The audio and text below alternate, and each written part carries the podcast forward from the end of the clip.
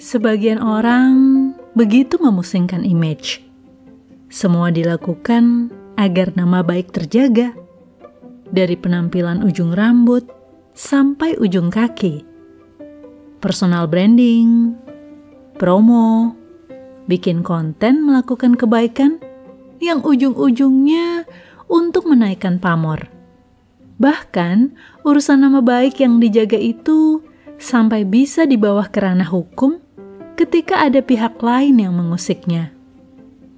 Padahal, menjaga nama baik itu dimulai dari bagaimana kita bersikap, mematuhi aturan yang berlaku, memperlakukan orang lain, dan bekerja sama dengan baik.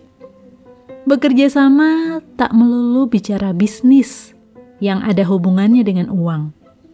Ketika kita tidak sanggup menempati perkataan atau janji, menganggap remeh, tentu itu sudah menjadi catatan tersendiri bagi orang lain tentang kita. Terlebih ketika kita menyakitinya.